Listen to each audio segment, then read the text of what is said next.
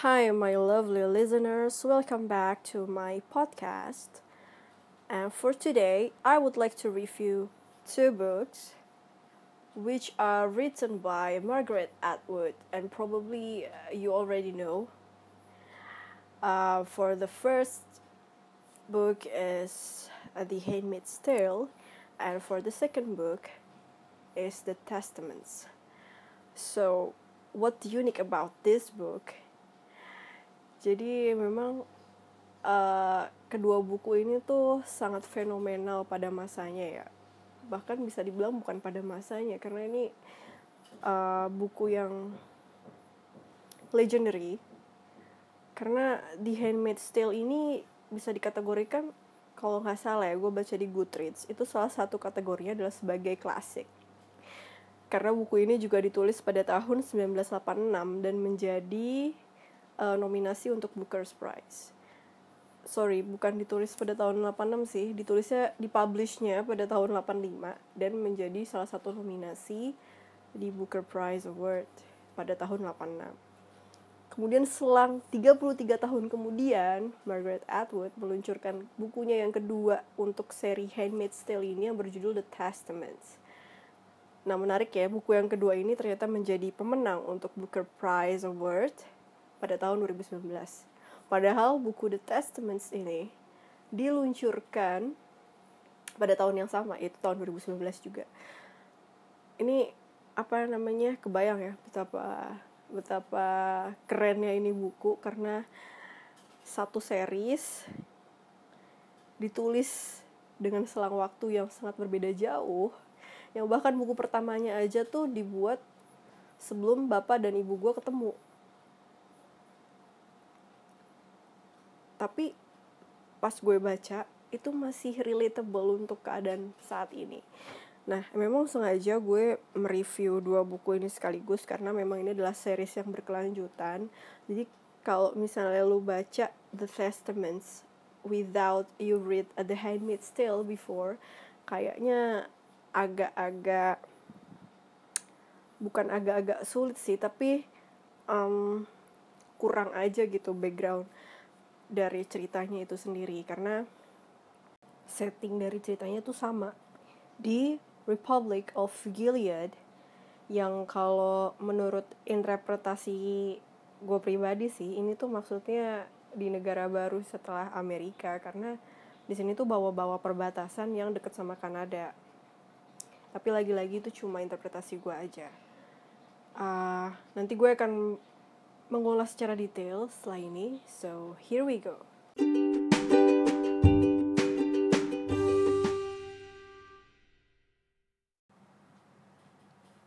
The Handmaid's Tale itu bercerita tentang kisah seorang handmaid yang bernama Offred. Uh, yang dia tuh tinggal di Republic of Gilead, di mana dia tuh kayak tinggal di sebuah tempat perkumpulan para handmaids gitu dan di sana kayak mereka dididik dalam tanda kutip untuk menjadi handmaids. Nah, uh, Offred ini hidup dalam aturan ya.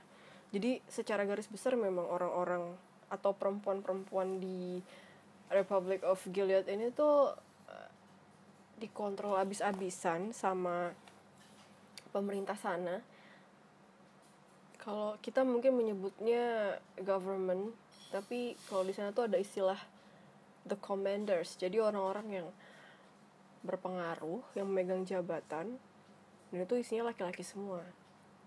Nah terus uh, handmaids ini tuh dididik sama yang namanya aunt atau tante dalam bahasa Indonesia. Nah um, Offred itu bercerita di buku ini pakai dari sudut pandangnya dia. Jadi kita akan membaca sudut pandang orang pertama. Gimana perjalanan awal mulanya dia bisa menjadi seorang handmaid. Padahal dulu tuh namanya Offred tuh bukan Offred. Jadi dia nama awalnya tuh karakternya gue lupa siapa pokoknya namanya bukan Offred uh, dan dia tuh perempuan pada umumnya gitu. Akan tetapi suatu hari ketika dia bangun tidur uh, dunia ini tuh jadi berubah. Tiba-tiba semua tabungan terus uh, simpanan dia di bank itu tuh nggak bisa diakses karena katanya perempuan udah nggak boleh lagi megang uang sendiri. Nah yang kedua uh, dia juga apa namanya udah nggak perlu kerja lagi karena katanya perempuan nggak boleh kerja terus dia ditangkap gitu sama segerombolan orang dan akhirnya ketika dia bangun tiba-tiba dia berubah nama jadi Offred dan punya kewajiban untuk menjadi handmaid. Kurang lebih kayak gitu sih. Jadi isi dari bukunya itu tuh menceritakan gimana perjuangannya Offred di dalam Republic of Gilead. Dan dia tuh benar-benar melihat banyak horrible things in front of her eyes. Karena pertama di Gilead ini perempuan tuh nggak boleh baca buku. Jadi hanya buku-buku tertentu yang boleh dibaca yang isinya tuh ya doktrin-doktrin. Bahwa perempuan ya nggak boleh keluar tanpa apa namanya tanpa teman. Jadi mereka jadi si handmade ini kalau misalnya mereka belanja atau ada keperluan keluar ya harus ditemenin sama sesama temennya gitu. Terus juga handmade ini nggak boleh kelihatan mukanya jadi cuma bisa kelihatan mata. Jadi kalau uh, apa namanya untuk uh, untuk representasi secara visual mereka tuh pakai jubah warna merah dan kepalanya tuh ditutupin. Dan penutup kepalanya tuh juga harus punya shade yang uh, menutupi seluruh wajah jadi kayak topi kayak cap gitu. Cuman penutupnya tuh panjang ke depan. Nah mungkin kalau misalnya uh, kalian pengen tahu sebenarnya The Handmaid's Tale ini tuh udah diangkat menjadi sebuah series di uh, salah satu streaming service Hulu. Cuman gue pribadi sih nggak nonton seriesnya karena menurut gue bukunya cukup pendek. Kayaknya cuma 300-an halaman dan itu terlalu singkat sih untuk dijadiin series kalau menurut gue jadi gue nggak nggak tertarik untuk uh, nonton seriesnya. Cuman kalau yang gue baca-baca reviewnya sih seriesnya juga worth watch sih. Jadi kalau memang uh, kalian lebih senang menikmati film ya bisa ditonton seriesnya di Hulu. Nah kemudian hal menarik dari buku ini tuh aftertaste-nya. Karena memang ini tuh bukunya temanya distopian ya. Jadi distopian adalah uh, sebuah dunia yang tidak ideal. Yang pada akhirnya tuh membuat kita menjadi ngeri sendiri. Kayak what if this happened to us one day gitu. Dan karena gue pribadi perempuan ya gue serem sih kalau tiba-tiba semua kemerdekaan di tangan gue tuh direnggut begitu saja. Yang tadinya merdeka untuk sekolah merdeka untuk kerja merdeka untuk baca buku tiba-tiba nggak boleh gitu. Dan merdeka punya uang ya. Jadi gue benar-benar kayak gila ini serem sih kalau sampai kejadian kayak gitu. Uh, makanya buku ini tuh juga membawa apa ya istilahnya membawa sebuah perdebatan uh, karena menariknya setelah buku ini diangkat jadi series gue pernah baca artikel yang kaitannya uh, dengan the Handmaid's Tale feminist uh, movement with Islam. Jadi ada orang yang menulis di artikel gitu bahwa sebenarnya di Handmaid's Tale itu tuh nyindir Islam kali kurang lebihnya gitu. Dan si penulis nggak setuju bahwa Islam tuh kayak di mocking ya dalam tanda kutip di buku The Handmaid's Tale ini karena katanya uh, banyak hukum-hukum Islam yang dibawa ke buku ini secara implisit. Gue pribadi sih nggak ngelihat itu sebuah persoalan ya karena not necessary Islam jadi memang di buku ini tuh uh, Republic of Gilead ini diceritakan sebuah society yang memang uh, driven by religion. Cuman religion apa nggak tahu tapi memang pada dasarnya uh, kalau misalnya kita telah ah lagi ini tuh religion yang terlalu kebablasan ya. Jadinya jatuhnya sebenarnya bukan religion sih. Mungkin lebih kayak okultisme gitu kayak aliran-aliran sendiri aja.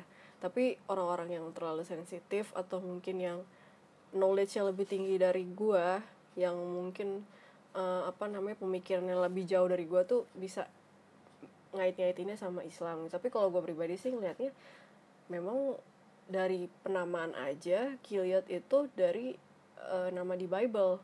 Mungkin si eh, yang Margaret ini ngambil referensinya dari Bible yang mana Bible itu kan juga ada red line-nya sama Quran ya? Jadi ya udah gitu. Mungkin kesimpulannya itu. Tapi memang ketika kita driven by religion gitu atau driven by sesuatu yang terlalu pekat di society jadinya ya hanya ada satu kekuasaan tunggal sehingga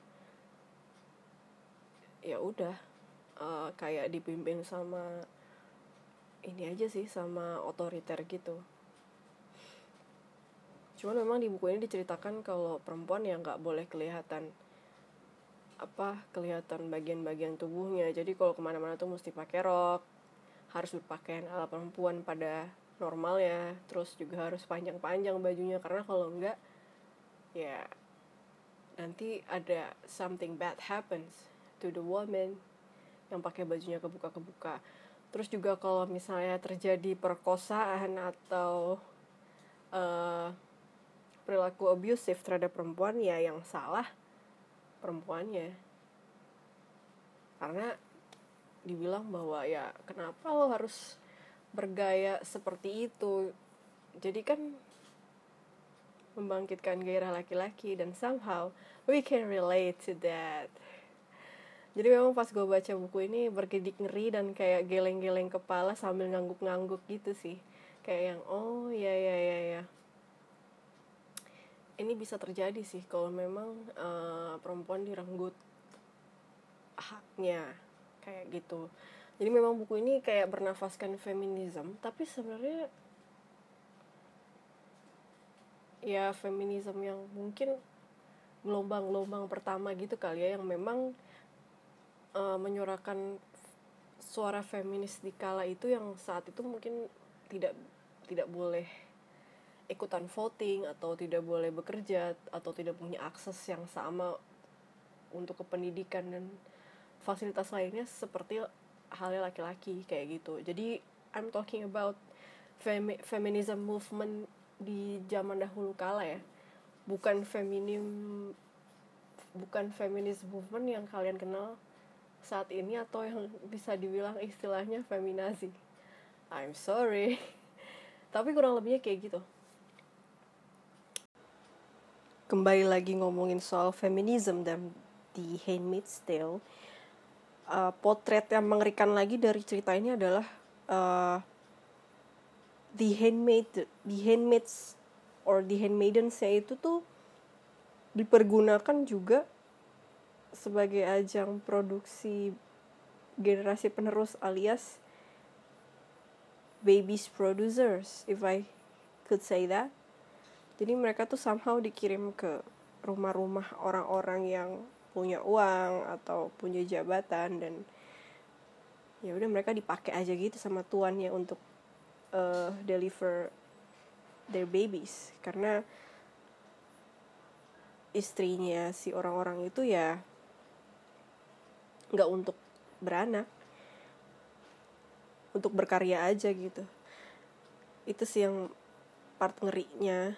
Jadi terus juga mereka sudah biasa dengan disuguhkan dengan pemandangan uh, horor itu kayak semacam pemenggalan kepala atau orang-orang bunuh diri. Terus mayatnya tuh dipajang-pajang gitu di semacam balai kota atau bangunan bangunan yang bersejarah gitu kayak untuk mengingatkan bahwa kalau rese ini akibatnya kalau lo melanggar aturan ya kayak gini akibatnya gitu sehingga salah satu kutipan di bukunya ini supaya mereka tetap waras mereka ngomong gini we lived as usual by ignoring. Ignoring isn't the same as ignorance. You have to work at it. Jadi kayak exercise aja gitu kayak yang ya udah emang udah kayak gini apa adanya ya udahlah. Hmm, pura-pura nggak tahu aja atau pura-pura nggak lihat aja. Kayak gitu sih. Dan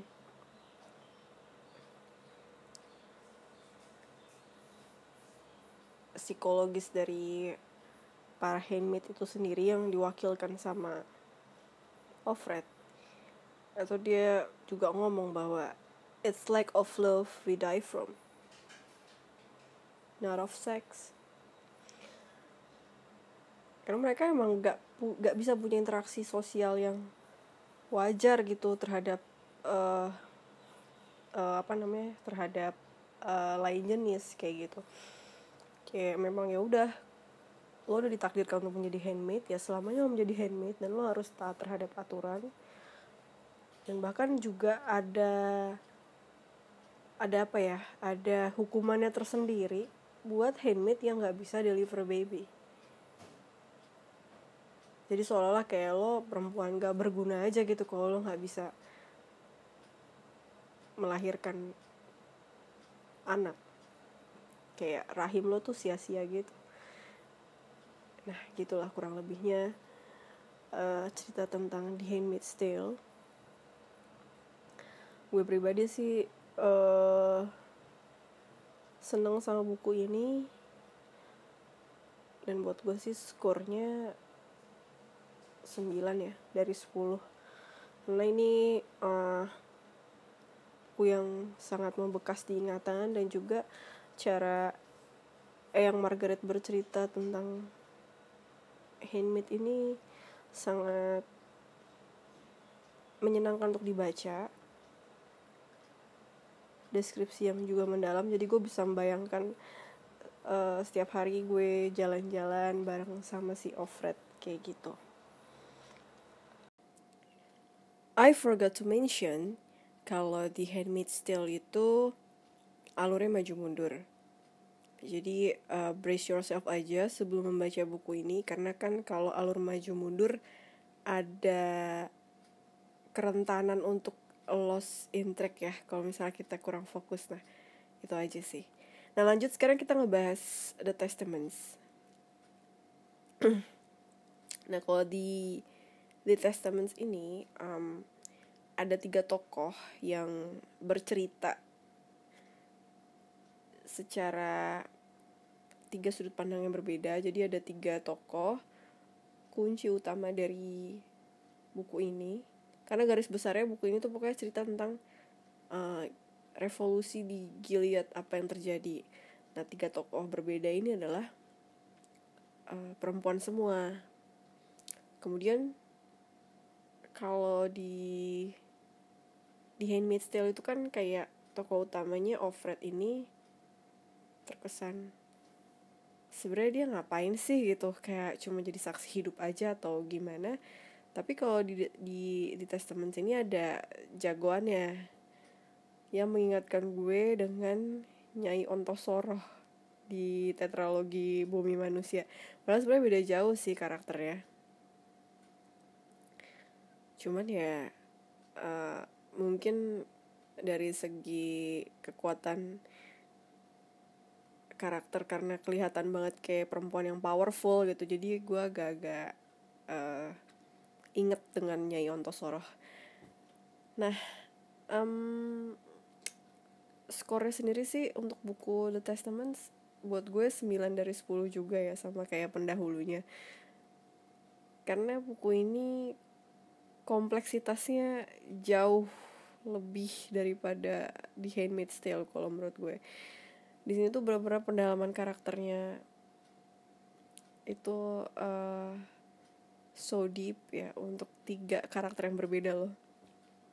Terus juga penjelasannya rinci banget uh, kenapa bisa kejadian B itu terjadi oh ternyata ada kejadian A kayak gitu. Dan itu penjelasannya rinci.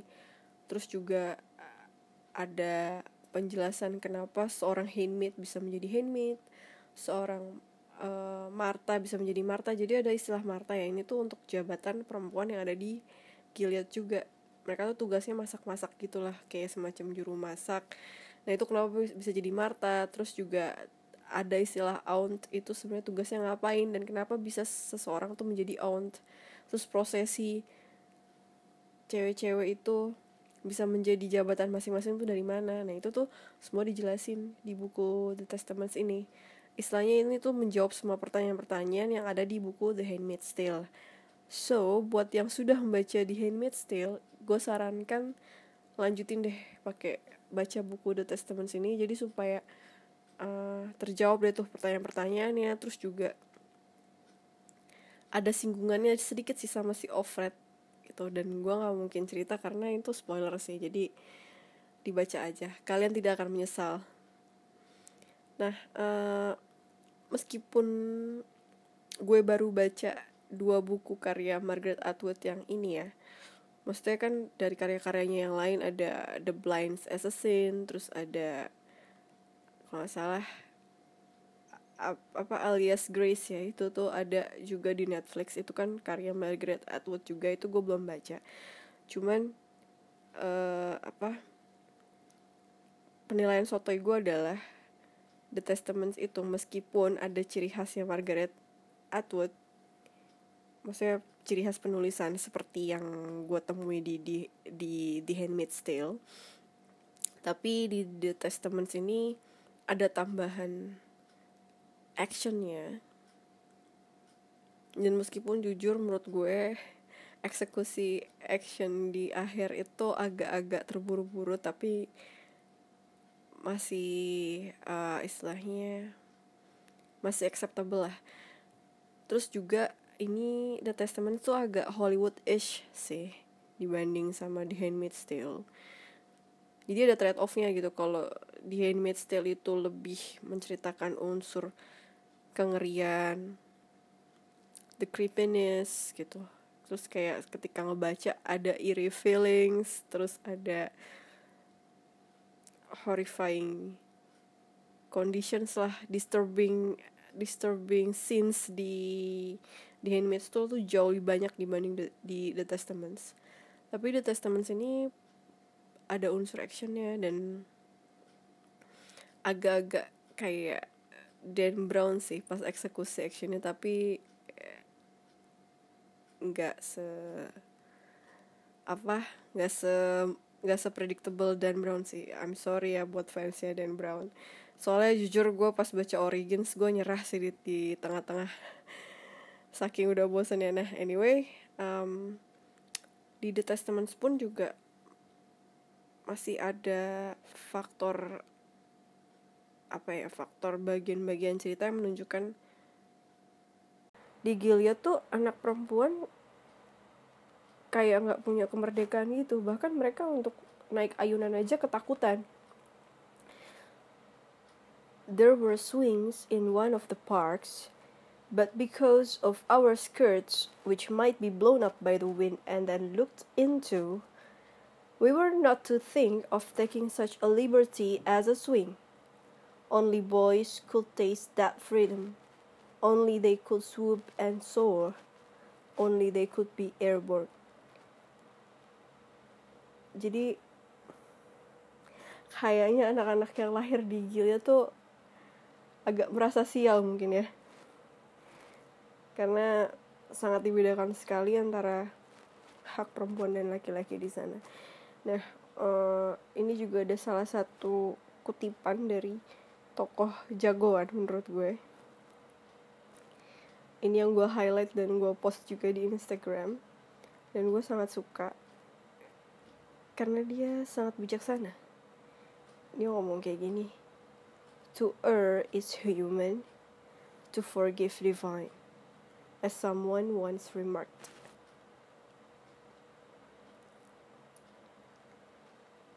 Jadi emang uh, apa ya tokoh jagoan yang tadi gue mention sebelumnya yang dia cerdas dan uh, punya taktik itu bisa dibilang juga bijaksana jadi almost perfect. Tapi sayangnya memang takdir membawa dia untuk bisa ada di Gilead gitu. Sehingga ya dengan caranya sendiri dia harus bisa survive dan melakukan revolusi. Ya sekian sih untuk uh, ulasan gue mengenai Handmaid's Tale dan juga The Testaments.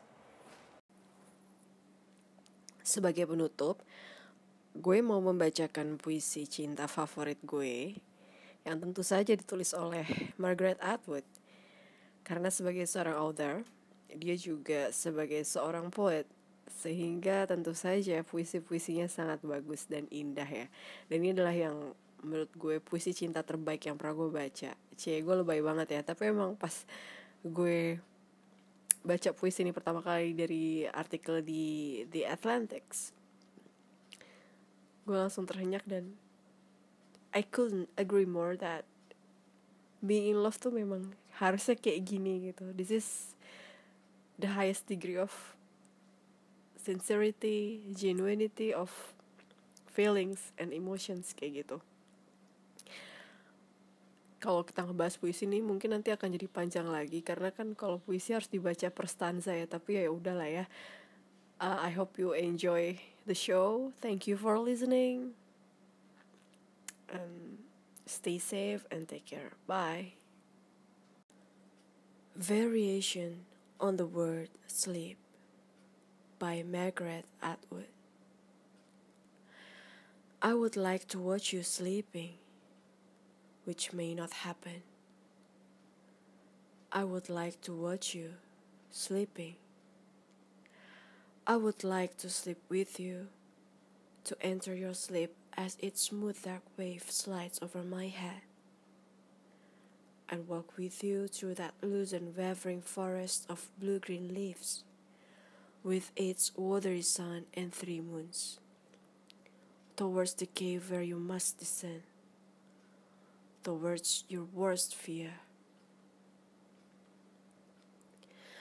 I would like to give you the silver branch, the small white flower, the one word that will protect you from the grief at the center of your dream, from the grief at the center. I would like to follow you up the long stairway again and become the boat that would row you back carefully. A flame into cupped hands to where your body lies beside me, and you enter it as easily as breathing in. I would like to be the air that inhabits you for a moment only. I would like to be that unnoticed and that necessary.